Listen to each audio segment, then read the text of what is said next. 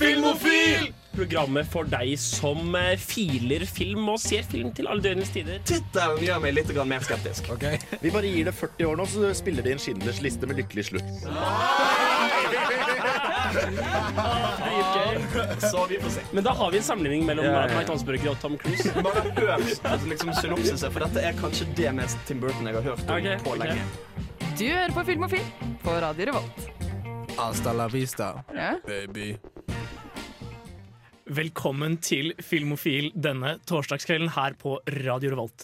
Vi håper du der ute har en finfin fin torsdag, og at du er klar for å tilbringe kvelden her med oss.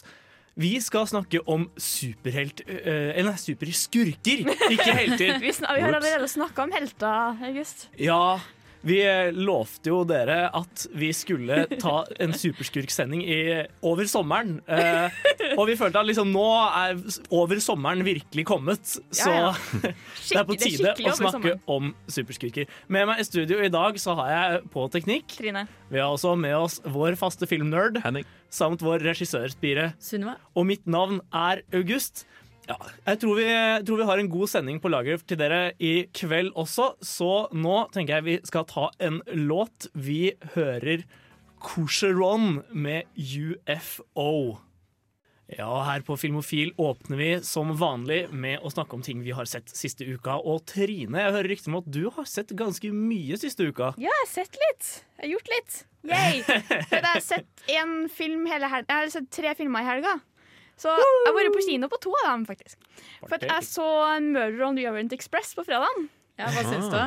Jeg endte med å like den filmen ganske godt, egentlig. Men jeg, er liksom, jeg er veldig enig i at det går litt vel fort. Det, Ja. de, de hadde kunnet roa seg ned liksom et par hakk. Det er jo toget. Men det blir litt sånn på rå på syre, da. Det er ikke Ja. helt uh, Det blir veldig på rå på syre. Problematisk. Men det bare, jeg satt der og liksom Jeg begynte å grine på flere tidspunkt. For jeg satt der og bare Skuespillerne gjør det jo så bra. Ja, så jeg sitter der og bare Ja! Og så setter jeg bare Daisy Ridley. Bare ja! og så fant jeg ut at en av dem som spiller der, er han som spilte Aaron Burr i Hamilton på, sånn på Broadway. Så jeg satt der og bare Yes! Og så på lørdagen så, så jeg Midnight in Paris. Åh. Og så, og så satt jeg litt med Woody Allen og bare nei. ja, liksom, etter, at, etter at vi hadde snakka om Woody Allen forrige uke, så fikk du litt lyst til å se noen av filmene hans, liksom. Det er, Nei, nei, nei, nei. nei. men ja, det er, Nei, det er ikke en noen- dårlig film. Nei, det er men jeg hadde noen på besøk og ville se Midnight in Paris. Jeg bare sånn, OK. Why not? Og den siste filmen, da? Jeg, så Blade Runner på nytt igjen. på søndagen på kino. Ja, Og det er øh, så verdt å få med seg på kino. Folkens, dra på kino og se den. det, jeg kan ikke, kan ikke støtte det mer, ass. Det er en, øh, det er en vanvittig bra film. Fordi det liksom, det er to, to timer og 40 minutter som Mm. føles ut som en film på kanskje 90. Det er jeg uenig i. Jeg syns den føltes nesten tre timer lang, men Nei. tre timer med veldig, veldig bra ting. Oh, ja, jeg syns det går skikkelig Eh. fort. Jeg, så jeg, liksom, jeg følger ikke med på tida. Det går så fort. Jeg har også sett Blade Runner. Yay! Det kunne du igjen? Hæ? Nei, jeg har sett den. har Jeg så den jo Oh, ja. uh, OK, my bad. Nei. Uh, den filmen jeg må være helt enig altså, Den burde man få med seg. Noe av det Mm. beste med filmen, spør du meg, det er musikken. Fy faen, den var kul. Når, når de flyr over byen, og mot slutten eh, Jeg skal, jeg skal ikke si hva det er for noe, men havet. Bare for å si det, ikke sant? Yep. Den sangen som er der, jævlig kul. Men øh, ja, det er, jeg tror nok øh, vi, vi kommer nok tilbake til Blade Runner Ja. når vi skal ha kavalkadesending til, øh, over jul, for å si det oh, sånn. da. Har du sett noe mer da, Henning? Det har jeg. Jeg var på uh, Studentersamfunnets filmklubb på tirsdag. Ikke på søndag. De viser også på tirsdager noen ganger. Og så Men det kall, Conan. de kaller det noe annet på tirsdager, da. Ja. Ja. Bijou. Bijou, ja. Stemmer. Jeg så Conan the Barbarian. Å, med Schwarzenegger. Med Arnie. ja. Og det, var, det var ikke som jeg forventa. Jeg vet ikke om dere har sett det, men den var mye Ja. treigere. Og mye, den prøvde å være mer elegant enn det jeg forventa. Liksom. Ja, for den er, den er egentlig bare skikkelig treig og kjedelig, Ja, syns jeg. da Eh, Den er, Jeg vil ikke se se og den. så er den veldig sånn det, det bare skjer ting, liksom. Det, det Ja. gir ikke helt mening, noe av det. Ja, det er det som er du sitter og ser, og så OK? Det, det skjer Nei, det går egentlig ikke an å beskrive den følelsen. Men jeg husker i starten uh, En ting jeg følte eh, De var En ting de fikk til, da, det var å fortelle historier uten å si noen ord. Ikke sant? Men så hver gang de gjør det, så er det sånn 20 sekunder hvor de sier akkurat det samme med ordene. Så du får høre. Du, du ser egentlig filmen dobbelt opp når du Ja, ser den. ja du, når du sier det, så er det helt sant. Det, Ja. det tenkte jeg ikke over. Men ja, det, Og det er skikkelig Veldig frustrerende. ja, Og den fortellerstemmen er skikkelig klein i Ja, tillegg. det er det. Det er, det, er, det, rett og slett ikke en veldig bra film. Ja, men det, jeg syns det var verdt å få med seg. Det var ikke nok Arne i I starten han detter ned trappa der, det er jo hysterisk morsomt, det brølet. Og så merker du at liksom, det, var, det var før Arnie ble en liksom skikkelig stor stjerne. Ja. Han, han hadde liksom fortsatt en del å jobbe med under, eh, under Engelsken sin, blant annet, spør du meg. Jeg var ikke kommet så høyt. Blant annet. Uff da. Men nå skal vi høre en låt. Vi skal høre Christian Grostad med On The Run her på Radio Revolt. Christian Grostad der altså, med On The Run. Og her på Filmofil så snakker vi fortsatt om ting vi har sett siden forrige uke. Men hva har du sett da, August? Det var hyggelig at du spurte om det, Trine. Nei, eh, jeg har primært sett eh, to ting. Eh, sånn Utpå høsten så får jeg veldig ofte lyst til å se opp igjen Firefly. Så det har jeg gjort. Jeg har sett hele Firefly på nytt igjen eh, i løpet av de to foregående ukene. Og jeg vet ikke, jeg går eh, Hvis jeg kun ser den én gang i året, så blir jeg liksom ikke lei. Det er utrolig koselig serie. Men du får nesten en, ny, en sesong hvert år, da. ja, ikke sant? Jeg har fortsatt et så stort hull i hjertet mitt. Det går liksom bare aldri bort. Ja. Men ja, jeg, jeg- må se, få sette opp igjen Serenity-filmen på et tidspunkt også. For Ja. den, den har jeg ikke sett uh, på tre år eller noe. Og den er jo liksom en del av pakka. Ja, ja. Så jeg tror Et jeg skal ta med den hjem i jula. Et litt større hull i hjertet. Men det kanskje enda mer interessante jeg har sett, er en eh, dokumentarfilm som jeg syns alle burde søke opp når de, når de neste gang de skal sette seg ned med Netflixen sin. Oi. For eh, jeg fikk anbefalt av min foreleser en fascinerende liten film som heter The Tower. Eller nei, Tower, bare. Å, Tower, jeg har hørt om den. Den har jeg sett. Den er skikkelig fin. Ja, den, eh, og skikkelig hjerteskjærende. Ja. Det den handler om, er en av de liksom tidlige masseskytingene i amerikansk historie. stemmer. Eh, en fyr som satte seg i toppen av et klokketårn i, eh, ved University of Texas og begynte bare å skyte tilfeldige folk på plassen nedenfor. Og eh, den er animert. Eh, men ja, etter hvert i filmen så begynner du å få inn de faktiske intervjuobjektene som blir animert. Og det er rett og slett ja, det er en utrolig hjerteskjærende film, og jeg anbefaler alle å sjekke ut. Det er også veldig fint at de tar opp litt det der rundt posttraumatisk stress og sånn, for han var jo soldat, tidligere soldat, han som skjøt, Ja. da. Mm. Så det er veldig fint eh, på en måte Oi. perspektiv på han også. Jeg tror ikke jeg tør det. Nei, men den, den ligger i hvert fall på Netflix. eh, Og ja, det er ikke- så mange som har Eller det er ikke alle som har hørt om den, rett og slett. Så jeg anbefaler alle å, å sjekke ut den. Men eh, Sunniva, du har også sett en del greier eh, siste uka, jeg har jeg hørt. Ja, eh, hvor skal jeg begynne? Jeg vet ikke. Ehm, jeg kan jo begynne med Jeg så dokumentaren om eh, Spielberg, som ligger på HBO, Oh. som akkurat har kommet ut.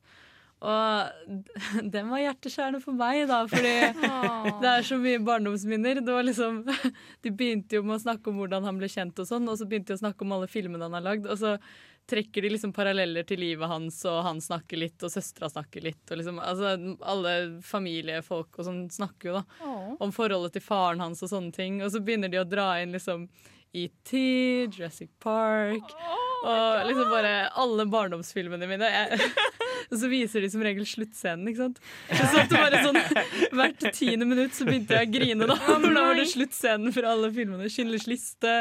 Og bare åh, eh, Ja, det var veldig emosjonelt. Um, og så har jeg også fått sett meg litt oppe på uh, anime. fronten. Jeg har sett uh, både Møte på Valmøyengen og Wolf Children. Eh, ja, Det er jo det er to veldig søte filmer. ja, altså jeg, jeg må si at Eller 'Møt på Valmøyengen ble jeg litt skufta. Ja, For den, er den- ikke, den er ikke en stor film, men den er veldig søt. Den er veldig søt. Den var litt for, forutsigbar, liksom. Eh, men ellers så var den cute. Uh, men uh, Wolf Children var jo helt klart favoritten, da. Den uh, Den er ikke så søt, da. Wolf Children. Ja. Nei, nei, Møte på Valmøyen Ja, ja. er søt, men Wolf Children var, likte jeg mye bedre. da Den var skikkelig sår og fin. Men den er jo søt òg. Ja, Ja. men Altså, de barna ser veldig søte ut som Ja, ulver. men Husker jeg ikke feil at den er tragisk? Eller? Jo, den er det. Ja, det er det. Ja. Men, eh, men den var veldig fin. Så jeg anbefaler alle å få med seg den før Ja. den forsvinner fra NRK. da Ja. For det er 30. november. ja, for det var der jeg så den sjøl. Ja. sånn oh, OK. Den har ligget der i to år nå, og nå var jeg sånn der Jeg har jo visst om den lenge. Ja. Bare sånn Nei, jeg tar det senere. Jeg tar det senere. Så var jeg sånn nå ah, Kanskje ikke vente lenger, så glemmer jeg det, og så er den plutselig borte. Det er sånn film man får lyst til å ringe mamma etterpå. Ja. Den er, eh, den er utrolig fin om morskap, rett og slett. Nei, det Alene, alenemamma. ja, varm anbefaling til alle, i grunnen. Ja. Eh, og for de som ikke har sett den, eh, Every Frame a Painting har en helt herlig video om det ene klippet i den filmen, som bare er utrolig bra. Men nå skal vi høre Sparks, Ivan Ave og Fie med låta I Know. Ja, og nå er det på tide å få høre nyheter fra film- og fjernsynsverden. Og Henning, hva er det du har på lager til oss i dag? Jeg har flere uh, seksuell trakassering. Oh. Yay! Eh, Jeg vet dere gleder dere hele uka, dere som hører på til å høre om det her. Det det må jo sies da, eh, For våre mindre faste lyttere så eh, hadde vi sending forrige uke om seksuell trakassering i filmbransjen. Eh, Så for de som er interessert i å høre mer om det, så er det bare å sjekke ut den sendinga. Yep. Eh, Det er fare for at vi eh, henviser til den flere ganger. Men eh, ja, i hvert fall eh, det, det, det slutter jo aldri å komme inn nye. Nei. Det gjør ikke det. Som vi sa i den sendinga, så er en snøball som begynte å rulle etter Harvey Weinstein, og det ser ikke ut som det stoppa med det første. Nei, kanskje like greit. Ja, det, det er jo bra at det kommer ut, at det kommer ut i sola. Men det, jeg kan nevne først jeg starta en subreddit for å holde styr på alle de her sakene. selvfølgelig. selvfølgelig ja, Ja, ja. Det finnes subreddits for alt. Det er Reddit. Subreddit, for de som ikke vet, er uh, undergruppe, da kan du si, på Mm. reddit.com. Så det finner du hvis du har lyst til å lese mer om det. Først George Takei. Å nei. Oh, George Takei. Velkjent og uh, elska over hele linja. Skuespiller. Spiller i Star Trek. Jepp. Det er han som er den originale Zulu. Ja, ikke sant? Han er anklaga for å ha antasta en mann på, uh, på sett i 1981, men han nekta. Og det er trist. Jeg, jeg ble faktisk ganske lei meg, for han er en så jævla hyggelig fyr. Og jeg vet at alle som kjenner han, forguder han, liksom. Oh Den er en så hyggelig fyr. Oh my, ja. Men trist. 1981, det er langt tilbake. ass. Ja, det, det, det er en ting jeg merker med mange av de sakene. De går langt tilbake. Ja, men folk tør jo ikke å si ifra, vet du. For at eh, de kommer jo mest sannsynligvis til å få sparken. Mm. Så det er liksom nå når folk i kan si fra, liksom. så liksom Ja. må de jo bare gjøre det. Ja, videre. Richard Dreyfus. Jeg vet ikke hvordan jeg uttaler navnet hans. Ja. Dreyfus? Dreyfus. Ja, Dreyfus, selvfølgelig. Jeg tenkte på hun Inglorious Bastards. jeg. Ja. Shoshana. Ja, jeg vet det. Dreyfus. Dreyfus. Unnskyld. Han er anklaga for å blant annet, sammen med sin bror, plage uh, en kvinnelig uh, writer, en skribent eller hva det er i LA eh, ved gjentatte anledninger. Eh, det har foregått over flere år, og han har beskrevet det her eh, forholdet som man kan kalle det, som eh, sånn av og på flørting. Men hun sier at det var aldri flørtende, eh, og ja, hun mener det her er seksuell trakassering. da. Han skal ha prøvd å kysse og prøve å vise seg, han og broren. Ja. Nei. Litt sånn jeg, jeg, jeg har ikke lyst til å bruke ordet ironi, men det er ganske ironisk, fordi sønnen til Richard Dreyfus har anklaga Kevin Spacey for han tasta han. Mm. Så det er jo en seksuell trakasseringstrekant, liksom. Det Nei! veldig makaber. Ah. Altså På et eller annet tidspunkt når så mange blir dratt inn, så må jo på en måte noen ender møtes Ja, også, da. ja, ikke sant? Trakasseringstrekant, sant? Trekant, pappa! Ja, nei. Eh, jeg fant ikke noe sitat fra Dreyfus eller Dreyfy på det her. Men eh, da antar jeg at han, eh, han har i hvert fall ikke innrømt det. I motsetning til f.eks. Louis C.K. Ja. Elsket eh, komiker. Jeg likte han veldig godt før, men nå er han anklaga. han skal ha en eh, eh, premiere på en film han har laga sjøl, som heter I Love You Daddy. Men bare noen timer før selve premiera så ble hele greia avlyst. Ja. Eh, og det var ingen uttalelse fra noen om hvorfor, men folk skjønte veldig fort at dette var seksuell det, var, det var en planlagt sak fra The New York Times. Ja, det så var det, liksom, det, det var ganske klart på hva det var, da. Ja, ikke sant? I hvert fall, Han har kommet ut og beklaga hele greia og sagt at alle anklagene er sant. Er, er sann, unnskyld. Ja. Han starta vel med å å men det gikk ikke et døgn engang før han Jeg tror ikke, Han kom ikke med noen uttalelser. Det var agenten hans eller noe sånt som kom med uttalelser uttalelser ja. først. Og så kom han ut med den veldig lange, veldig sånn beklagende meldinga, som er litt bedre enn Kevin Spacey, som bare sier 'unnskyld, men jeg er gay'.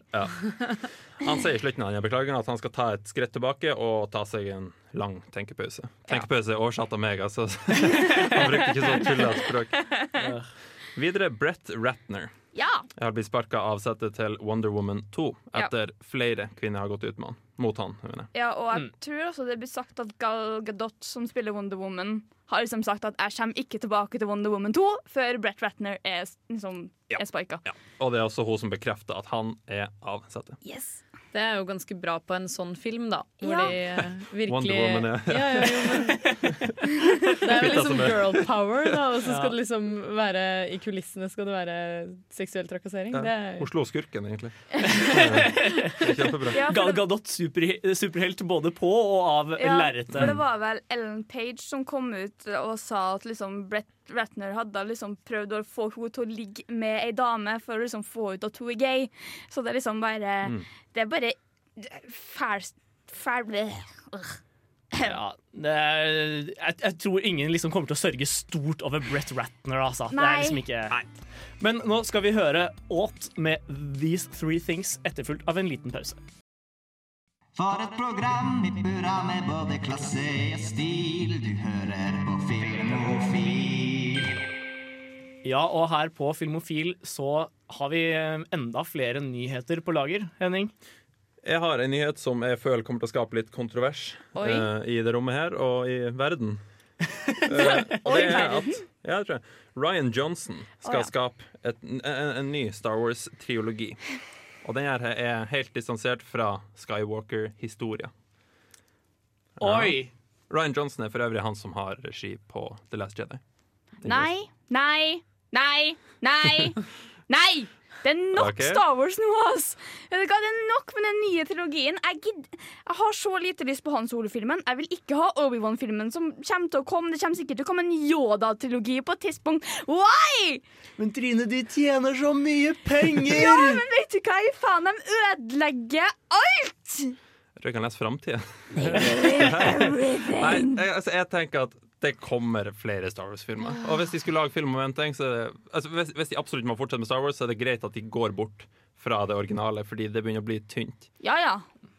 Ja, jeg, jeg, jeg, jeg kjenner jeg ikke skal uttale meg om dette før vi har sett neste Mm. uh, film.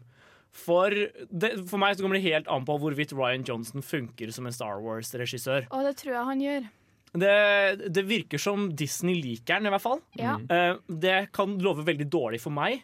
Fordi eh, jeg liker jo alle de regissørene de sparker. Um, Ja, ja.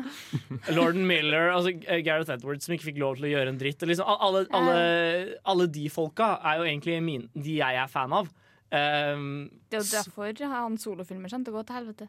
ja, ja, det er det, det, det er det jeg er liksom bekymra for. Det kan hende Ryan Johnson får det til å funke. Altså, jeg syns jo JJ klarte å gjøre en ganske grei jobb som regissør Ja.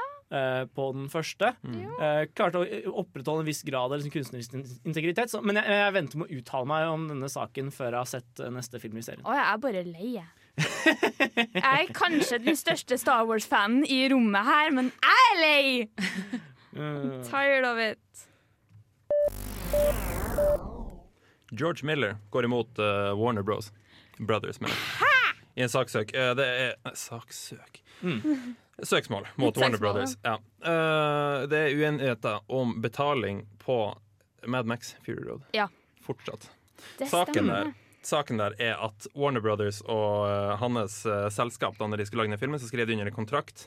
Eh, og detaljene der er litt diffuse, og det er der de er uenige. Hmm. Det var at hvis filmen gikk over budsjett, så skulle de få mindre betalt. Altså uh, George Miller og, og co. Mm. Men poenget, altså han går ut nå og sier at det var Warner Brothers som endra filmen og bytta, bytta shoot, tror jeg. Det, var, det var noen endringer Warner Brothers gjorde på den filmen som gjorde at den gikk over budsjett. Warner Brothers eh, Jeg vet ikke om de har innrømt at de er enig i det faktum, men de sier at de skal i hvert fall eh, slåss til, til tennene, liksom, for, for det som er deres. da For de mener at kontakt, kontrakten er på deres side. ja. Men det blir litt av rettssak, tror jeg. Ja, jeg heier på eh, Miller, kjenner jeg. Selvfølgelig. Same. Uh, mest fordi han er liksom uh, Liker å heie på underdogen i sånne situasjoner. og uh, ja, uh, hans produksjonsselskap er garantert underdog i den sammenheng. Mot Warner Brothers. Ja, Det tror jeg. Det kommer en Super Mario-film. Ja, jeg har hørt det der! Det er, det, det, kan jeg bare si hvem de er laga av? Ja. Det er skaperne som har lagd Minions. Yep. Ill- Illumination Entertainment. Blant annet Despicable Me-serien, Minions, The Secret Life of Pets. Og jeg sier bare En- hver dag går vi lengre unna Guds lys. Det, det er ingen som vil ha en Super Mario-film. Det har aldri funka, det kommer ikke til å funke. Oh, ja, vi husker alle sammen hva som skjedde med siste Super Mario-film. Ja. Ja eh, og det er jo en gyllen regel at man bare ikke skal lage video Eller dataspilladaptasjoner. Nei. Det funker alle. Nei, det funker aldri. Men eh, Henning, har du en siste nyhet til oss? Det har jeg. Åh, Rett skal være rett. eh. Siste er en liten konspirasjon rundt Rotten Tomatoes. Åh, for det har vi ikke hatt en god del av i det siste, da. Nei, Poenget er at uh, den nye filmen Justice League, som vi skal snakke om om noen få minutter uh, De slapp ikke Rotten Tomato-scoren, altså uh, det her er sam, mm, hva heter gjennomsnittet Ja. av reviews, før i dag. For ti timer siden. Sånn. Jeg tror, jeg tror ikke de fikk lov. Hva du mener Jeg tror, jeg tror det var er sikkert noe med embargoen. Som, Ja, ja, ja. De, de, de er kjent for å ha en embargo, men det her er litt sånn spesielt tilfelle. Kan du si. de, Rotten Tomatoes ble kjøpt opp av selskapet Fan, Fandango. Som er, Fandango, ja. Ja, og de selger billetter til filmer Ja. i USA. Og de viser på billettkjøpsida si uh, Rotten Tomatoes score. Ikke sant? Og folk tenker da at Warner Brothers, som har en grei andel av aksjer i Fandango, ikke sant? og kanskje Fandango ikke er med på det her på egen hånd, hva, hva, har rett og slett gjemt den scoren fordi de mener at Rotten Tomatoes score har mye å si på uh, åpningskvelden. Ikke sant? Av de filmene. Og jeg er jo av de som mener Rotten Tomato Score er en kjempedårlig indikasjon på noe som Det er helst. jo det. Ja, ja. det, er jo det. Eh, Men, men det har fortsatt veldig mye makt. Ja, det, det er det som er så kjipt. Mm. For de har liksom tatt altså, jeg, Fra et matematisk ståsted, liksom, så er den problematisk. Det eneste den sjekker, er liksom Er dette en positiv eller negativ review, Ja. og så gir den deg en, en total liksom, andel positive eller negative reviews. Et gjennomsnitt hadde vært mye bedre. Ja. Åh, jeg, blir, jeg blir provosert over det sånn rent. Så, så jeg, jeg, jeg støtter avgjørelsen om å på en måte ikke la det påvirke folk, men jeg syns det er veldig sketchy at de gjør det i denne sammenhengen. Ja. Rotten Tomato da, de har sagt, eller, Deres kommentar da, er at eh, de har en serie på Facebook som heter See it slash skip it. Uh, og for å promotere det her programmet, da, så sparte de den, uh, den, den Rotten Tomato-scoren. Eh, for, for, ja, sånn at folk skulle rett og slett gå inn på den episoden og se den og få smake for serien. Ikke sant? Men Det var, det var veldig convenient, syns jeg. ja, litt. Men hvem vet? Wow. Ja, ja. Nei, la oss heller høre en låt. Vi skal høre Chromeo med Juice. You've got the juice. Nei, men uh, uh, nå er det på tide å bevege seg litt over mot temadelen av denne sendingen. For Trine, du har vært på kino. Ja! Jeg var på pressevisning. Jeg har sett Justice League. Og det som var skikkelig gøy, var at de kom rundt med sånn ark som vi måtte signere, som bare Dere får ikke legge ut anmeldelse før etter onsdag. Det her tidspunktet. Etter filmen hadde premiere. Jeg sitter bare OK! Det her lover bra. Sånn eh, Apropos det vi snakket om før låta, om at de holder igjen Rotten Tomato-scoren. Eh, gjorde de det? mm, Og vise filmen på sånn 16 det er sånn, sånn kvadratisk skjerm. Det var liksom ikke fullskjerm. Det var I don't, I don't get it. De forklarte ikke det? Det, var, det er kvadrat, kvadratisk skjerm i stedet for å ha hele skjermen. Sånn skjønner. så har den mindre format, og jeg skjønner ikke hvorfor. det høres ut som en dum ting å ha på en pressevisning. i hvert De har det til vanlig, og jeg hadde en kompis som var sånn, og den var ikke, den det var liksom i mindre format. It's strange. Jaha. ja, ja. La oss høre anmeldelsen din. Superheltfilmer er en av de sjangrene som spytter ut en god del filmer i året. Marvel har dominert siden de ga ut The Avengers i 2012. Justice League er DC sitt forsøk på å gjenskape suksessen til Marvel og skape sitt eget filmunivers. Zack Snyder står igjen bak rattet, men eh, kanskje det er på tide å gi regien bort til noen andre? For det her ble eh, et stort rot av en film. The world remains in mourning after the death of the Superman. Lex Luthor, the Arcanist. inside them. And where is the Gotham Bat? The mass vigilante has been a no-show. I Justice League følger vi Batman, som prøver å rekruttere flere superhelter for å stoppe inn innovasjon som kan bety verdens ende. Han klarer til slutt å rekruttere Wonder Woman og nykommerne The Flash, Aquaman og Cyborg. Historien ender fort opp med å bli litt vel gjenkjennelig for dem som har sett litt filmer i sjangeren her fra før. Den har en skurk som du fort glemmer i Steppenwolf som var nok en skurk som ville ta over verden og gjøre den om til sin eh, private lekeplass. I know you have abilities. I just don't know what they are. My special skills include uh, Viola, uh, web design, fluent in sign language, gorilla sign language. Silica-based quartz sand fabric, abrasion resistant, heat resistant. Uh, yeah, I do competitive ice dancing. What they use on the space shuttle to prevent it from burning up on re-entry. I do very competitive ice dancing. Historien er nok ikke det eneste svake som eksisterer ved filmen, dessverre. DC har igjen valgt å gi regien til Zack Snyder, som tidligere ga oss Man of Steel og Batman versus Superman, Dawn of Justice. Eh, Det betyr litt vel mye bruk av slow motion, som ikke alltid helt treffer når det blir brukt. Fargepaletten har endra seg litt fra de forrige filmene. De er litt lysere og litt mer morsomme. Mon tro om eh, Josh Whedon, som eh, kom inn og tok over litt, har noe med det her å gjøre. He said the age of heroes would never come again. It has to. Men filmen er ikke bare dårlig. Kjemien mellom hovedskuespillerne er gøy å se på. Sjøl om det kanskje ser ut som om Ben Affleck virkelig vil komme seg bort fra rollen som Batman til tider. Gal Gadot som Wonder Woman var fortsatt fantastisk, og Ezra Miller overraska som The Flash. Amy Adams hadde en nokså liten rolle som Louis Lane, men man venta alltid på å få se henne på skjermen igjen, fordi Amy Adams er magisk. En annen liten godbit var de to scenene som kom etter rulleteksten. De tok rett og slett til Marvel. Den første var bare en morsom scene som mange tegneseriefans kommer til å kose seg med skikkelig mye. Jeg gjorde i alle fall det. og den andre bygger opp mot eh, filmer som eh, kommer. Full transparency, I've never done battle. I've just pushed some people and run away. Save one. What? Save one person. Which one? Don't talk, don't fight. Get in, get one out. Justice League ble nok ikke det miraklet mange hadde håpa på for DC sitt eh, filmunivers. Den kommer nok ikke til å vinne over noen som ikke liker de filmene her fra før av. Men om du er en tegneseriefan, får du sett scener som du aldri i verden trodde du kom til å se på film. Så om du eh, har lyst til å se en litt gøy superheltfilm, kan du enten dra på kino, eller eh, kanskje vente til den kommer ut på streaming. Uansett så kommer du nok til å få en fin kveld ut av det. One misses the days when one's biggest concerns were exploding wind-up penguins. Ja. Det høres jo egentlig akkurat ut som det jeg hadde fryktet at den skulle bli. Ja. En litt sånn der platt sånn kompromissprosjektaktig ja. greie. Eh, så liksom i forhold til Rotten Tomatoes så tror jeg du kan skippe den. Altså. Jeg, jeg stoler aldri på sånn her, eh, fem superhelter møtes og jobber i lag. Det, jeg har aldri hatt helt sansen for det. Jeg stoler generelt ikke på superheltfilmer, jeg. Altså, så, det- jo, men det er sant, det er Det er liksom hele det du beskriver i den anmeldelsen her, er hele grunnen til at jeg er veldig skeptisk eh, Mm. Ja, til superheltfilmer. da. Det er den der likheten. Du skjønner akkurat hva som kommer til å skje. En eller annen ufo nei, eller forglemmelig skurk liksom, som bare ja. er der og truer verden. Ja, han er jo mer, han er jo mer en, eh, en prop. Altså, Ja, ikke sant? Han er bare der sånn at superhelter kan kan, vise sprenge hvor rundt. kule de er, og- Ja. Ja.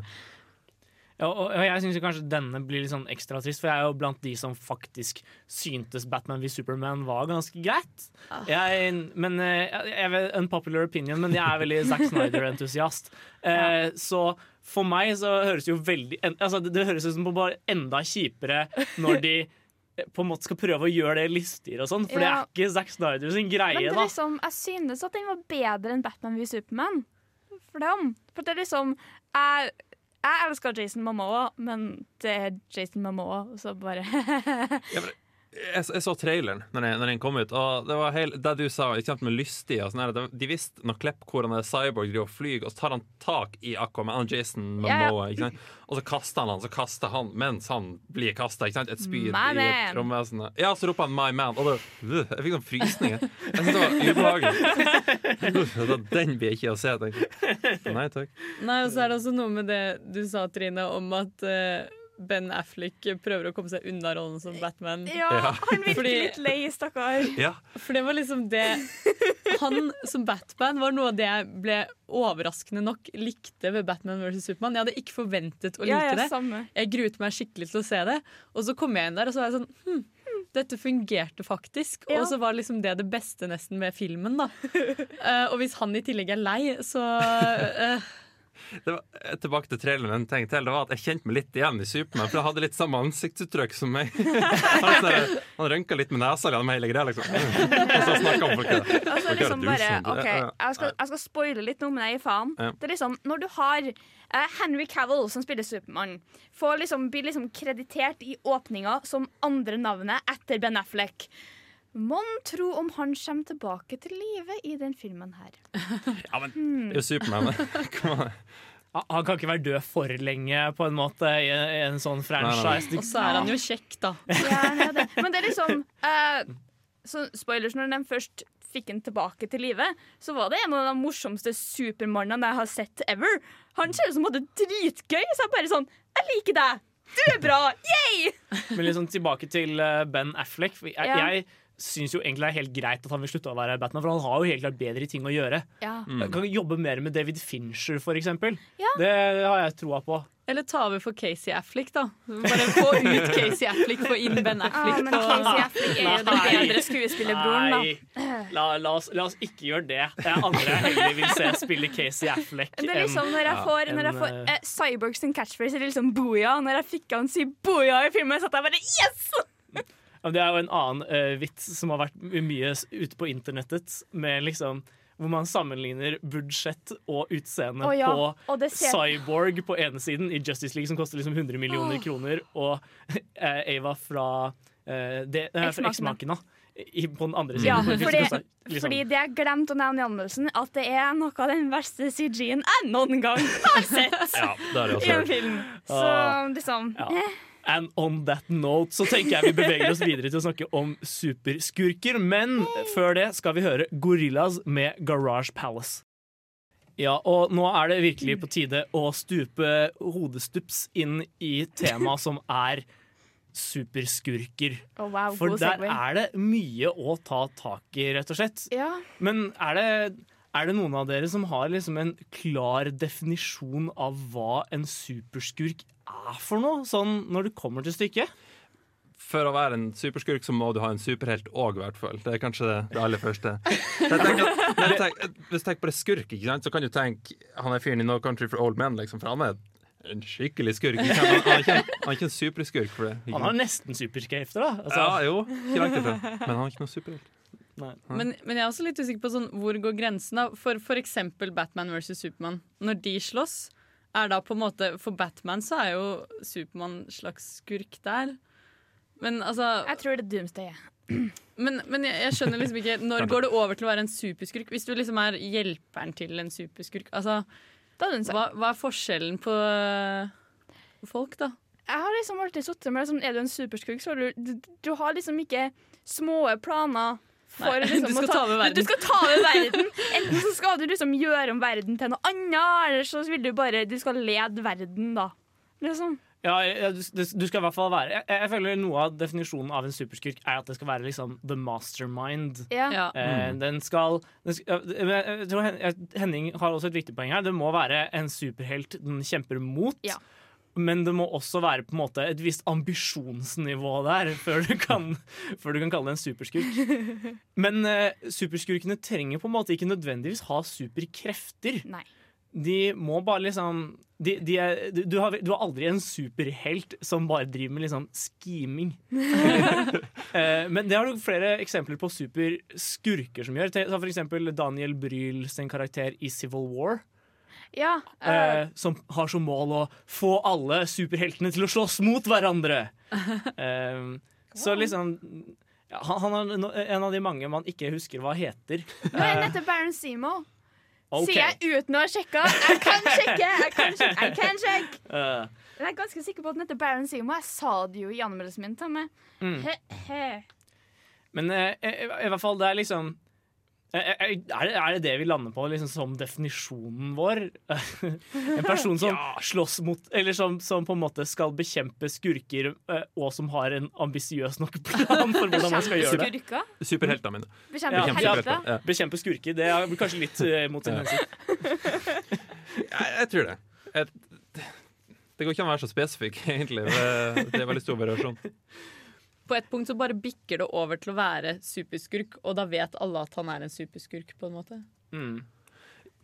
Ja, du vet når du har en super, Ja. superskurk, og når du ikke har en. Ikke sant? Ja. Det er litt sånn vanskelig å definere. Jeg jeg, jeg jeg liksom. Heltene er mye lettere å liksom definere. De har en slags sånn Ja. De har en superkraft. Eller Enten liksom så kan de er- fly, eller så kan de puste under vann, er eller eh, Iboende godhet, liksom, og iboende ondhet, Ja. på en måte. Ja. Noe sånt. Ja, men det er ikke alltid det er liksom iboende ondskap heller. Nei, altså For jeg er litt sånn Når det kommer til en av Batman sine skurker, da, eh, Mm. Selena Kyle, Catwoman Mm. Hun er liksom Hun er skurk, men hun liksom det, Hun har jo Det er liksom Det er en del av uh, Spiderman-skurkene. Han er Doc Ock. Doc Han, der, Ock. han, han rana vel banker for å få penger til et eller annet? ikke det? Jo, for å redde kona si, er det? Han Er dreper kona si i et eksperiment som går veldig galt når han får på seg armene. Ja, den fire Okay. armene. Men han, er, han er litt annerledes i tegneseriene, da. Han er liksom ikke Han har liksom ikke den godheten i tegneserien Tegneserie-Spiderman, liksom. Nei, ikke sant. I forhold til Ja. film-Spiderman. Nei, Poenget mitt er at det kan, de trenger kanskje ikke ha en iboende ondhet, det var kanskje feil sagt, men de kan ha en motivasjon. De er gode mennesker, de har lyst til Ja. å gjøre noe godt, men de skader liksom, De dreper en million for å redde et menneske, liksom, og det er jo ikke rett. Ja, for den viktigste, det, den mest definerende egenskapen er at det er de som står imot helten. Det har Ja. nesten blitt en klisjé i en del superheltfilmer. Men det er, det er så mange som er så lett å glemme. Ja, det. det, og vi kommer nok tilbake til det etter hvert. Men nå er det på tide å høre en låt. Vi skal høre Fie med Glu. Ja, og Her på Filmofil så snakkes det om superskurker, og vi følte det kanskje var naturlig å liksom åpne med et konkret eksempel. Derfor ga vi dere ukas hjemmelekse forrige uke å se en eller annen inkarnasjon av The Joker. Han står ditt hjerte nært, Trine. Ja, det Sånn for å spoile noe som kommer på slutten av sendinga, det er min favoritt-superskurk. Og det er litt sånn Han er Batman sin nemesis, og han Nemesis. Fælt ord. Men det er liksom Han står liksom for alt galskap og uro i verden. Han er liksom bare sånn La anarkiet styre. Bare mm. Ja, for Det er jo kanskje noe av det mest interessante med The Joker, i motsetning til veldig mange andre superskurker som vi har sett i senere tid. Ja. Den har en veldig tydelig, tydelig ideologi.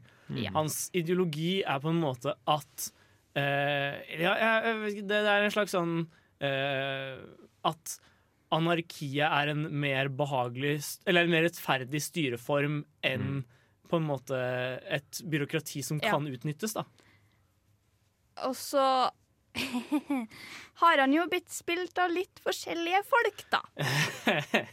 Så det, er liksom, det er jo en ganske bra hjemmelekse når det bare OK, se enten Jack Nicholson sin versjon av The Joker i, Bat i Tim Burton sin Batman, eller Heath Ledger sin Joker i uh, The Dark Knight. Uh, hold deg unna Jared Leto sin Joker i Suicide Squad. Eh, eller så kan du liksom gå animerte ruter og se liksom the original series med Mark Hamill. Hold unna The Killing Joke. Eh, Sett Batman Under Red Hood med Joe DiMaggio som The Joker. Um, jeg kan litt om The Joker, folkens.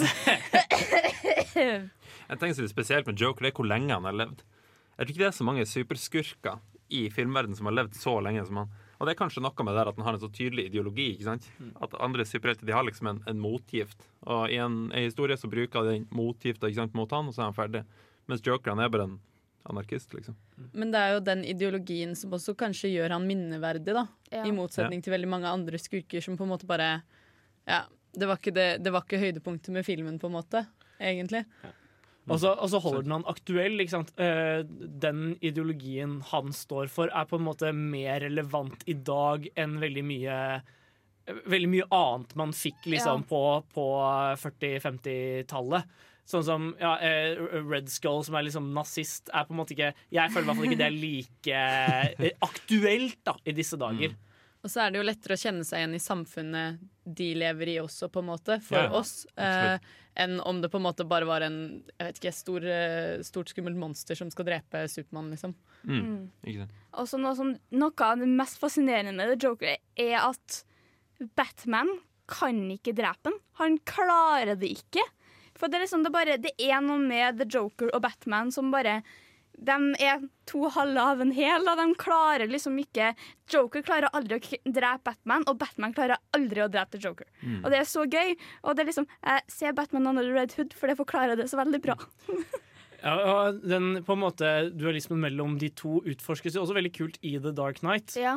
Eh, fordi det er kanskje den, den uh, inkarnasjonen av The Joker som har blitt snakket mest om i det siste. Ja. For Heath Ledger sin rolletolkning der er jo blitt legendarisk, rett og Ja. Mm. Og uh, noe av det som er veldig fascinerende der, er at liksom, det, det er jo The Joker som klarer å bekjempe alle de andre skurkene Ja. i eh, løpet av den filmen. Altså, det er han som faktisk klarer å virkelig bekjempe The Mob ved at han brenner alle pengene deres. Mm. Um, og ja, han kan på en måte gå dit Batman ikke kan, da, på grunn av sin moralske kodeks. Ja. Og så skape en Two-Face. ja. Og Two-Face Ja. er et slags sånn resultat av The Jokers ideologi, fordi hans Altså, Two-Face sin ideologi er jo på en måte eh, eh, tilfeldigheter, da. Ja. Mm. Som er en form for anarki. Altså, tilfeldigheter er rettferdig, er det ikke det? Eh, Ja, for alle har akkurat samme sjansen. Ikke sant? Ja, ikke sant? Det. Eh, apropos No Country for Old Men. Ja, ja, ja, ja. Ikke ulikt. Så, så nei, the, The Joker er rett og slett en utrolig fascinerende karakter som bare alle Eller som aldri, aldri har sluttet å være relevant, da. Nei. Den, Den, dem gjens, han gjenskaper jo seg sjøl på ganske mange forskjellige plan. De har jo gjort det i tegneserier nå, der det i Rebirth, som er den nye omgjøringa til DC, så finnes det tre jokere rundt om i DC-universet. Som er ganske interessant. Ja, og, og jeg kan sånn, sånn litt, litt på vei ut så må jeg bare anbefale alle å sjekke ut den eh, videoen der Mark Hamill leser opp en av tweetsene til Donald Trump i joker-stemmen sin. For du, du skjønner virkelig liksom at det Donald Trump driver med, er liksom Han høres veldig ut som en superskurk. Eh, det høres rett og slett Det, det er liksom perfekt for The Joker. Men eh, Så, så alle, burde, alle burde se den når de når de er ferdig med å høre på Filmofil. Men i hvert fall, nå skal vi høre Company Inc. med Eat Your Ropes. Ja, og vi følger opp vår diskusjon om The Joker ved å hoppe rett over på et nytt eksempel. For eh, ukas TV-serie denne uka blir Jessica Jones. Ja. For det er jo en god del superskurker som har blitt portrettert i TV-serier opp gjennom åra. Vi nevnte jo The Joker i stad, Ja, ja. fra Batman The Animated Series. Men den kanskje mest ikoniske av de som har kommet til liksom, den nye bølgen med sånne TV-serier, er Killgrave fra første sesong av Jessica Jones. Ja. Det, det Ja. Og, og Trine, hva, hva er det han gjør som er så skurkete? Eh, Killgrave, eller à la The Purple Man, som han heter i tegneseriene. Jeg har blitt litt sånn in the comics. Men nei. Han har da evnen til å fortelle andre hva de skal gjøre. Så for, det er sånn, hvis han sier liksom Gå og slå hodet ditt i Eller gå og slå hodet ditt i veggen, så går du og slår hodet ditt i veggen til han sier at du kan stoppe. Du, kom du på noe fra serien, du, August, eller hva han sa? Uh, nei, ikke egentlig. Det hadde vært litt sånn praktisk egenskap som filmskaper, da. Men det er Det liksom hadde også vært en veldig praktisk egenskap som voldtektsmann. Det var, der, det var der det skulle gå! Liksom bare, det, som, det som gjør han til en så bra skurk, og en veldig tragisk karakter, da, er at han eh, så for seg at han hadde et forhold med Jessica Jones. Fordi han sa liksom bare 'gjør det her, gjør det her, gjør det her'.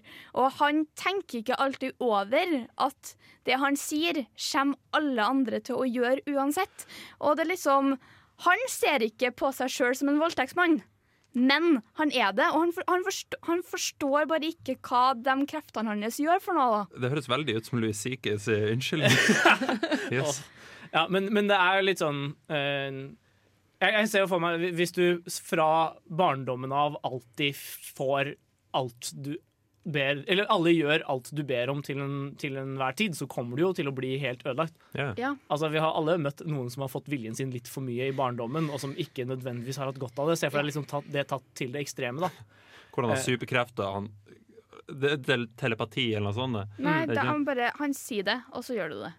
Men det er, jo, det er jo trist for han også, da. Sånn, jeg mener, tenk så kjipt å aldri vite om folk egentlig vil kysse deg, eller Ja, ikke vil kysse deg, eller om det- du tvinger dem til å kysse deg. Det eller. går han også gjennom Han går gjennom så mange forskjellige stadier da, i den serien, og det er så uh, Så fantastisk å følge med på liksom, hvordan karakteren hans utvikler seg, og hva alt det der hadde gjort med Jessica. Og liksom når hun forteller han at bare 'Du voldtok meg!' Og han bare 'Nei, det gjorde jeg ikke'. Jeg fortalte deg liksom bare gjør Ja, og det er noe, noe av det som gjør filmen så aktuell i, eh, i disse dager. Ja. Med alle disse sexual harassment-anklagene som har kommet. At liksom den, den, Det er en av, de, en av de seriene som rett og slett har snakket veldig godt om, om voldtekt. da Ja. Eh, og hvordan det nesten aldri er liksom en sånn eh, tydelig for begge parter at det som skjer, er en voldtekt. Det er nesten alltid sånn at man er uenig om hva som egentlig foregikk. Ja. Uh, og ja, det, det er en utrolig god diskusjon av, av det temaet. Ja, sånn som du forklarte det, det er jo, det er jo faktisk en veldig tragisk historie. Ja. Jeg fikk faktisk litt lyst til å se det. Men bare, den serien der er veldig verdt å få med seg, om ikke bare for å liksom se på hvordan de håndterer voldtekt Ja, og andre sånn psykiske lidelser. da. Jeg har aldri liksom hørt om en superskurk hvor du liksom ser at han, han lider altså det, det er jo ikke et Det er jo et veldig tragisk liv, da. Fordi du, bo, du lever jo på en måte alene. Ja, og, og en annen ting er at han må liksom alltid passe seg for, for hva han sier. Ja. Hvis han sier ja, 'bare drit i det', så kommer folk til å bokstavelig drite i hva han nå enn ba dem Ja. drite i. Eh, det er liksom man, man får veldig sympati for han da, på Ja. tross av at det er liksom veldig tydelig fra starten av at det er han som er superskurken her. Og så er han spilt av David Tennant, da, så det, det hjelper på det òg, for å si det sånn! Men er han en superskurk? Gjør han slemme ting med vilje? Er han mohaha, Jessica? Er er han der, liksom? Han, han Det er er ikke bare en trage, tragisk historie, liksom? Det er ikke bare en tragisk historie. Han er Han, han, er liksom han, han er faktisk kjip, altså. Det er liksom ikke til å komme bort fra. Nei. Ok. Men eh, nå skal vi høre en låt. Vi skal høre Broen med Pride. Men nå skal vi ta den virkelig store diskusjonen man alltid må ta i superheltrelatert snakk, og det Eller er superskurk. Eh, ja, er ikke superskurker superheltrelaterte? Jeg føler de er litt superheltrelaterte. Ja, Uh, men når vi har en sending om superskurk, så si superskurk, da. Ok, På Filmofil snakker vi om superskurker, siden de er superheltrelaterte. Og i den anledning så er det viktig å diskutere det store skillet innen dagens eh, superhelt slash skurkeverden. Eh, Og det er skillet mellom Marvel og DC. Og Henning, hva er Marvel og DC? Ja, det, det er to, to univers, da. I, i, kort forklart, egentlig. Marvel er nylig, mest nylig Guardians of the Galaxy. Eh, Og de Nei, seriene mest nylig Thor. Thor Thor, Ragnarok. Thor selvfølgelig. Ragnarok. Selvfølgelig, Thor, ja. Og DC. Spiderman, Superman, Batman. Spiderman er vel Marvel. Spiderman er Marvel. OK, men jeg, jeg er ikke den beste på de her. Men du har rett. Du har rett. Du har rett. Men eh, det er jo ganske sånn konsensus i disse dagers medieverden, om ikke annet om at liksom Marvel er de som lager de beste filmene. Ja. Sånn, eller har det mest eh, helhetlige og velfungerende cinematiske universet. Ja. Men det eh, det DC faktisk tradisjonelt sett har vært gode på, i hvert fall, er å ha de beste skurkene. Ja. Men bare, OK, DC og Marvel er to studio. Jo da, jo da. For å, si, for å si det enkelt, det er to studioer som liksom, de var tegneserie... DC og Marvel er tegneserieskapere som har hvert sitt univers. Hva står DC for, egentlig? Detective Comics. Detective Comics, ja. Da Jeg ser ikke så mange detektiver. Nei, det akkurat det. Er litt sånn luretittel. Du tenker sånn Nei, men Detektiver? Det er det de kalte Detective Comics var tagline for Batman-tegneseriene. Samme som Action Comics var for Supermann. Så, så Batman er egentlig en detek detektiv, liksom? He's the world's greatest detective. Hæ, nei, det er er Poirot. Ja. Det er akkurat det. I, I tegneseriesammenheng så det er Batman, selv om filmene har ikke vært så flinke til å vise fram det. Men eh, Trine, hva tenker du om på en måte skillet mellom eh, DC og Marvel sine skurker?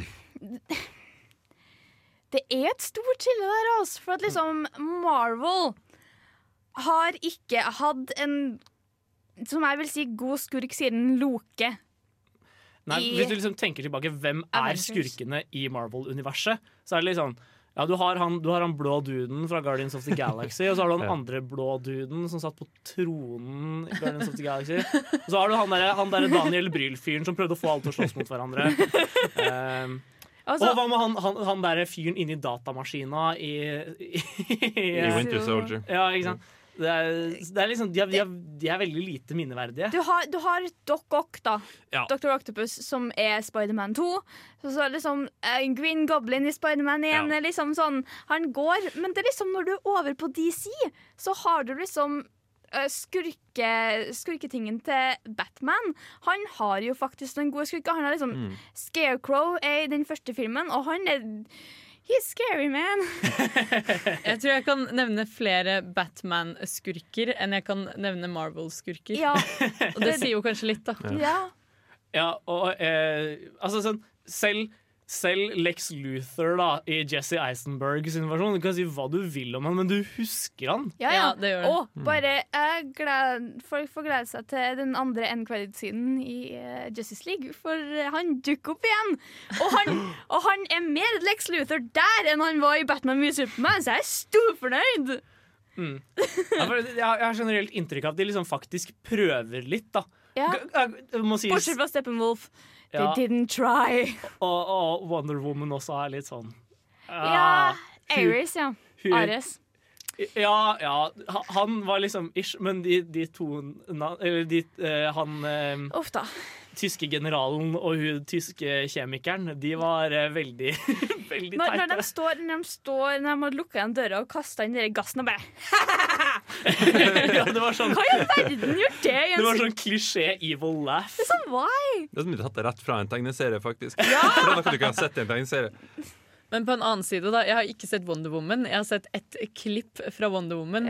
Og jeg husker, jeg husker skurken fordi at navnet var så karakteristisk, da. Så de klarer jo å lage minneverdige skurker selv der, da. Ja, og så- Selv om de ikke traff helt, så Ja. er det Du husker jo Og for å si på Marvel-sida, som vi har glemt, da, så er det jo Sony Marvel Nei, jo, Fox, Fox Marvel Ja. med Magneto i X-Men. Mm. Det er liksom Han er en god skurk. Ja, den, Ja den, den ene scenen i, eh, i eh, Apocalypse jeg faktisk likte, var jo med han. Er den, Eh, den mynten? Ja, Er det den, den? Ja, ja, slow motion, vet du. Det er, min greie. Slow-mo! Det Da liker du vel DC best, da, eller? Den scenen var vel egentlig ikke slow-mo. Det var vel en, en mynt som for sakte framover, var det ikke det? For jeg har sett akkurat den scenen. Eh, jo, ja, jo Ja. men det, det er det slow-mo, den sekvensen i forkant idet eh, kona og dattera dør. Den ja, okay. Det er slow-mo. Eh, Ja, det Men er ikke det First Class? Eh, Nei, er det det er, det er Apocalypse. For det er en mynt i First Det er en, det er en mynt i First Class også. August kan sin slow-mo, da, så oh, shit, vi går litt på overtid, folkens. Å, snap! Ja ja. Men uh, jeg tror det skal ordne seg. Uh, dette er en såpass spennende diskusjon at det er, liksom, det, det, er verdt, det er verdt å gå litt over tida på den. Men nå må vi i hvert fall høre Who Is She med Top 8 etterfulgt av en kort pause. Hei, jeg er eh, Agnes Kittelsen, Og jeg er Aksel Henning, og det er viktig at uh, dere hører på Filmofil. filmofil. Å, fy faen. Det er kjempeviktig at du hører på Filmofil, altså. Ja, eh, Ag- Agnes, Kittel, Agnes Kittelsen og Aksel Hennie kan sine saker. Ah, vi må få noe nytt, altså. Jeg innser alltid på når Agnes Kittelsen sier Aksel Hennie, da er jeg sånn Hei, her er det noe galt. For Aksel Hennie sier han heter Agnes Kittelsen, så tenker jeg ah, ja, okay. Så når det kommer en mannsstemme som sier eh, 'hei, dette er Agnes' ja, ikke sant? Ja, ja, det reagerer ikke. Men når hun sier at hun heter Aksel, så tenker jeg nei. hei. Men, eh, men skal vi komme oss videre Det til hva, vi skal. hva vi skal snakke om nå? For uh, dette er uh, ukas filmlåtstikke, hvis Ja. dere ikke uh, skjønte det av den vakre jinglen vår. Eh, men eh, nei, vi eh, skal i hvert fall snakke om eh, musikkbruk, og da musikkbruk i en spesiell film. Eh, ukas filmlåt denne uka er nemlig Bohemian Rhapsody. Ja. Det er jo egentlig en mer unnskyldning til at uh, vi får eller for og Sunniva får høre Bohemian Rhapsody, da. Ah, ja, for, men denne, denne er jo brukt i uh, en film som ble ganske mislikt, kan man vel Ja. mildt sagt si. Vi snakker selvfølgelig om Suicide Squad. Ja, det er jo en av de beste tingene med traileren til Suicide Squad. Ja, for det er akkurat det. Eh, filmen har, har blitt slakta så innmari, men jeg likte trailerne veldig godt. Ja, samme. For, jeg, for liksom plutselig så var det en trailer hvor jeg var sånn Hm, ja, dette fungerte. Som jeg skjønte, så var det noe problem i produksjon og klippinga i filmen. Det var noen som kom, og noen som gikk. Og noe sånt Oh, ja, ja. Og- Eh, For det, det som skjedde der, var at traileren ble så bra. Eh, og så var de ikke helt fornøyd med David Ayer sin, sin versjon av filmen. Mm. Så de ba folka som lagde den ene traileren, om å klippe om filmen. Oi. Og det er derfor hele den første delen av filmen føles som en litt sånn klein musikkvideo. Eh, fordi det er rett og slett trailerfolk som har laga den. Og selv om de var gode til å lage trailer, så var de ikke så gode til å klippe film. Nei, for det er liksom stakk Jeg syns litt synd på Jared Leto. Ja, for han, han har bare noen få minutter i den filmen. der. Han har en jeg, liksom, jeg lurer på om han snakker om at liksom Hei, 15 minutter med meg som The Joker ligger på klippegulvet! Ikke sant? folkens. Trist. Og, men dette er jo en film som er veldig relevant å snakke om i dag, for det er jo eh, en film om kun superskurker. Ja. Eh, slash anti-heroes, slash ja, hva, man, hva skal man egentlig kalle det? De er ganske liksom- superskurker. Med, med Rick Flagg, da, som er Mm. god. Så, ja. En ting som kan være vanskelig når du har så mange superskurker i én film, er jo på en måte å gi alle tid nok til å vise seg ordentlig frem. da Hei, drep den første etter en sånn halvtime, så går det fint. Ja, bare skyv de unna. Stakkars Dytt dem under bussen, liksom. Nei, eh, men altså, du får jo ikke introdusert på en måte Fordi det er jo litt sånn som med det med Jared Leto, da. At Ja. du, får jo, du blir jo ikke kjent med han jo mindre han har liksom ja, 15 minutter på seg, da. Ja, men du får liksom bare en gryntende, snortende joker, og jeg sitter her og bare jeg, jeg ser hva du prøver å gjøre med den, men gangster-joker funker. Jeg går igjen tilbake til Batman Under the Red Hood. Der funker han som gangster, men herregud, altså, hva er det dere gjør med karakteren min? Det er liksom, jeg, kan, jeg kan godta tatoveringer i ansiktet og alt det der, men det er liksom bare Dere har mista liksom essensen med karakteren. For det der er ikke han lenger. Kanskje de ligger på klippegulvet. Kanskje? Jeg, jeg tror det, altså. For Men- det, Ja. Ja, Det var jo ikke det eneste der som ikke fungerte. Det Nei. må jo sies, det. Uh, det er, er veldig mye rart, ass. Ja. Harley Quinn gir heller ikke mening. Og den, hun derre Enchantress-dama som liksom virka som en litt spennende karakter i starten. Som var ble liksom- magedanser. ja, hva, hva var det som skjedde der? Men ok, Jeg må være helt ærlig og si at jeg er så glad for å ha fått en live action Harley Quinn. Ja. Fordi jeg syns for så vidt at Margot Robbie gjorde en relativt god jobb som Harley. For at jeg endte opp med å like karakteren, og jeg skjønner liksom den konflikten hun har med The Joker om liksom OK, hva er det som skjer her? Men bare, folkens, ikke hvis dere skal ha parkostyme, ikke kle dere ut som Harley Quinn og The Joker. Det er verdens verste forhold. Don't do it! Med mindre dere gjør som eh, en venn av meg gjorde på Halloween nå, eh, hvor han kledde seg ut som Harley Quinn. Det var ganske herlig å se. Men on that note så tenker jeg vi hører Queen med Bohemian Rhapsody. Ja Jeg tror aldri jeg har vært så sliten etter en eh, låt på Filmofil, for her har vi danset veldig hardt i studio. Men i hvert fall, nå er det på tide å snakke litt om hvem som faktisk er favorittskurkene våre i det store, vide superheltfilmuniverset. Og eh, ja, Henning, du kan jo få begynne, du. jeg har kanskje litt jeg, jeg vil kalle det kontroversielt, fordi Watchmen Tenk Watchmen, hvem er, hvem er skurken der, egentlig? Mm. Nå, nå blir jeg å spoile slutten, der, men den er gammel, og alle burde ha sett den. Ikke, hvis ikke ser den uansett, for den er bra uansett. Jeg har ikke sett den. Du har ikke sett den? Ok, nei. Du har Hold deg for øra. Sunniva. Ja. Det er en karakter som heter Ossimandias, da, som, uh, som dreper noen millioner mennesker for å stoppe atomkrig. Han skaper en superskurk, ikke sant? Så spør, Mm. altså, han skaper en superskurk av Dr. Manhattan, sånn at verden har noen å forene seg mot. Ikke sant? Han skaper en superskurk, i anførselstegn. sånn at det ikke skal bli atomkrig mellom USA og, Russ, Mm. eh, USA og Russland. Så er han egentlig en superskurk? Jeg, jeg føler han er det, for han, han er på en måte den heltene kjemper mot. Og han Ja. Og det var det vi hadde som Ja. definisjon i, i starten av, eh, av Ja, sendinga. Okay, okay. Men han gjør det jo for en god sak, da. Ja. ja jeg, jeg, også liksom, jeg tror min, min favoritt er nok også en eh, eh, som på, gjør det av mange av de rette grunnene. Da. Eh, jeg tenker på eh, eh, han fra eh, De utrolige. Å, syndrom. Syndrome. For han har på en måte bare som barn han er, jo, han er jo genial. Og som barn så ble han avvist av superhelten sin og har erklært at nei, men hvis, hvis, hvis det er sånn det skal være, så skal alle få lov til å være supere. Så du, så du har både favoritten din fra eh, Favoritten din fra superhelter var vel fra De utrolige? Det var det ikke det, da, August? Jeg lurer på om jeg sa Watchmen, ja. På sikkerhet. Vi er veldig konsekvente, vi, Henning. Vi er det. Eh, og, men jeg, jeg føler det er en film som er relevant å trekke fram sånn, uh, når vi begynner å nærme oss slutten, for den er utrolig god, og den er veldig Ja. annerledes enn mye annet vi har sett i det siste. Eller vi snakket om i dag. Den er utrolig god. Var det sånn? Ja. Not intended. Der er døra! Men, eh, men ja. Eh, Har dere noen eh, favoritter da, Trine og Sunniva? Jeg kan jo være litt eh, konsekvent, jeg også, fordi at jeg sa jo Batman på, på superheltsendinga. Og jeg har, som Trine sa tidligere, også The Joker Ja. som min favorittsuperskurk. Mm. Men det er liksom, ok, Hvis jeg ikke skulle tatt The Joker, da, og hvis det skulle vært fra en superheltfilm som superheltfilm, og ikke tegneseriene, så lurer jeg på om jeg kanskje ville gått for Michael Keaton sin The Vulture fra Spiderman Homecoming. Fordi Ja. den var jævlig bra. Hvis jeg ikke skal gå for The Joker, da, for det har jeg allerede sagt er favoritten min. Altså, jeg kan være mer spesifikk, da. Eh, Jared Leto som The Joker. Jeg er ikke oh, sånn ja. Oh, ja, ja. ja, ja, altså Jared Leto. Nei, jeg mener, jeg mener, jeg, jeg mener Heath Ledger. ja. uh, Bom der, altså, fordi Jared Leto var ikke favoritten.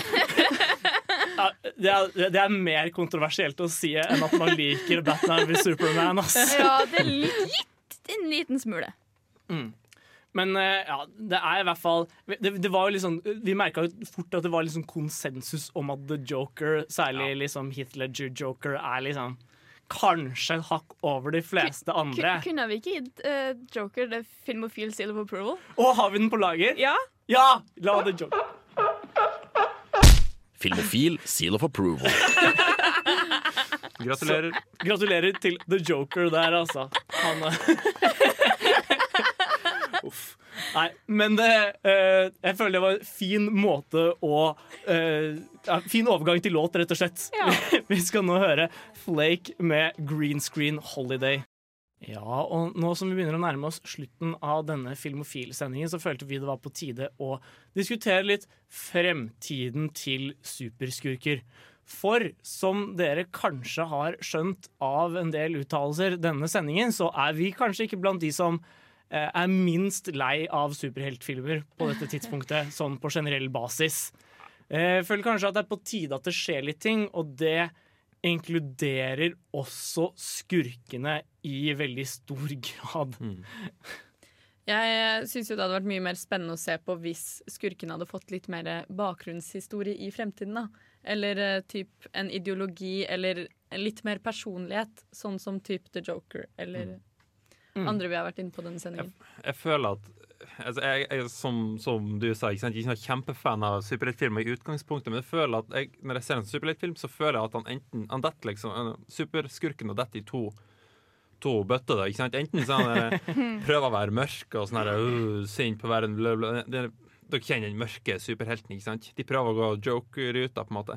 Eller så er det bare en sånn han Thanos, ikke sant? Noe sånn her, bare sånn Se han store, slemme En blobba et eller annet slag. Ja, ikke sant? Bare en, en eller annen slem dude som de skal slåss mot, punktum, liksom. Og ikke noe mer. Og jeg jeg er ikke fornøyd med noen av dem. Så jeg vet ikke hva jeg vil ha.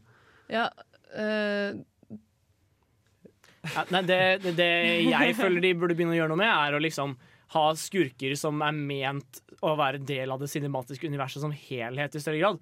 For noe av det som skjer, er at liksom heltene utvikles over film og film og film. Ja. Mens skurkene er liksom sånn bruk og kast-materiale. Mm. Ja. Man liksom eh, bruker litt tid på å etablere en skurk, bare for å ha noen de kan slåss mot, og så må på en måte skurken bekjempes i slutten av filmen, og da er den ferdig, på en måte. Eh, jeg tror de må endre litt på det. Jeg tror de er nødt til å ja, gjøre mer som med Loke, da, hvor du har på en måte skurker som er med fra film til film, og da må du bruke mindre tid på heltene, men det er verdt det. Ja. Men det er liksom, jeg synes jo også at man kan gi sjanse til skurker som har eh, blitt filmatisert før, men gjort feil med. Så det er liksom bare Jeg har Ja. ikke hatt noe imot for å prøve å ordne Poison Ivy på nytt igjen. eller eh, Mr. Freeze på nytt igjen. The Riddler på nytt igjen. Liksom bare, Det er interessante skurker der som liksom fortjener å få en ny sjanse. Catwoman fikk en ny en liksom fra Michelle Pfeiffer i Batman Returns til Anne Hathaway i The Dark Night Rises. Liksom. Men hun Bare- kunne jo vært med mer. Ja. Mm. Men bare i, i skurker som ikke har liksom fått sjansen sin til å skinne, da. Give them a chance, please. Men har du noe imot Michelle Pfeiffer som Nei. Catwoman? nei, nei, nei, nei, nei. Nei, okay. Det er bare Det er bare Det, det, det jeg skulle fram til, liksom bare til og med skurker som har hatt gode inkarnasjoner, får nye. Mm. Så kan ikke dem som har fått en dårlig inkarnasjon, få en god en. Hva med Halle Berry? Er ikke det hun heter? Det er favoritten Eh, min. vi, vi, vi, vi snakker ikke om det. Det eksisterer ikke. Henning, okay. du, du kan gå. Der, der er han borte. Nå er han ikke her lenger. Ah. Ja. jeg, var, jeg var ikke ute. Ah. Og nå som vi hadde liksom lytterne i the suspension of disbelief, og så kommer du og ødelegger, Henning. Som en ekte superskurk. Henning er den ekte. superskurk. Henning er den ekte superskurken. Mm. Men uh, jeg, jeg, jeg tror nok også jeg, Det er også en del skurker jeg har lyst til å se mindre av. Uh, en, Ja. The Blue Man Group, for eksempel. Ja. De, de syns jeg godt de bare kan liksom drite i nå. Ja, ja, Ronan, The Ronan Ja. eksisterer ikke lenger. Thanos gleder meg til å se, for så vidt, for de har bygd den opp så mye. Jeg vil bare se hva han gjør for svarte! Det kommer til å bli dritt. Men, Ja. men også Apocalypse var liksom Det var bare tull. Kan de ikke heller gjøre noe skikkelig? Det var bare, det var bare en skurk, punktum. Liksom. Ja. Ferdig med. Det, det er jeg så lei meg for at den tredje Batman-filmen skulle egentlig handle om Two-Face. Mm. I, I de originale planene. Eh, fordi de skulle ha uh, trialen av The Joker i tredje filmen, og så fokusere på Harvey Dent som Two-Face. Men mm. så døde Heath Ledger, og så kunne de ikke gjøre det. Uh. Derfor ble The Dark Knight Races så dårlig som den ble. Det var jo ikke bare det som gikk gærent der, Nei. men altså ja. Men eh, nå er det i hvert fall på tide å høre en låt før vi sier farvel. Vi skal høre Lee Fields and The Expressions med Time. Ja, og nå er det dessverre på tide å ta farvel. Nei, allerede? Ja Ja, men superskurka. Det er, det er fælt, altså, men vi har bare to timer på oss, Trine. Av og til Eller alt, alt godt må ende på et tidspunkt. Men uh, i hvert fall, det er allerede bare å begynne å glede seg til neste uke. For Ja. da skal vi snakke om filmteorier. Uh, blant annet Pixar-teorien. Oh, Så uh, hjemmelekse til neste uke er å se din favoritt-Pixar-film. Eller den du har størst behov for å se opp igjen. Så de utrolig på deg, eller? Ah, ja, kanskje. Vi får se. vi får se Med meg i studio i kveld så har jeg hatt på teknikk. Trine. Og eh, vår faste filmnerd. Henning. Og vi har også hatt med min regissørspire. Sunniva. Og mitt navn er August. Vi håper du der ute også har hatt en finfin fin kveld. På vei ut skal vi høre Spielbergs med 'Distant Star'.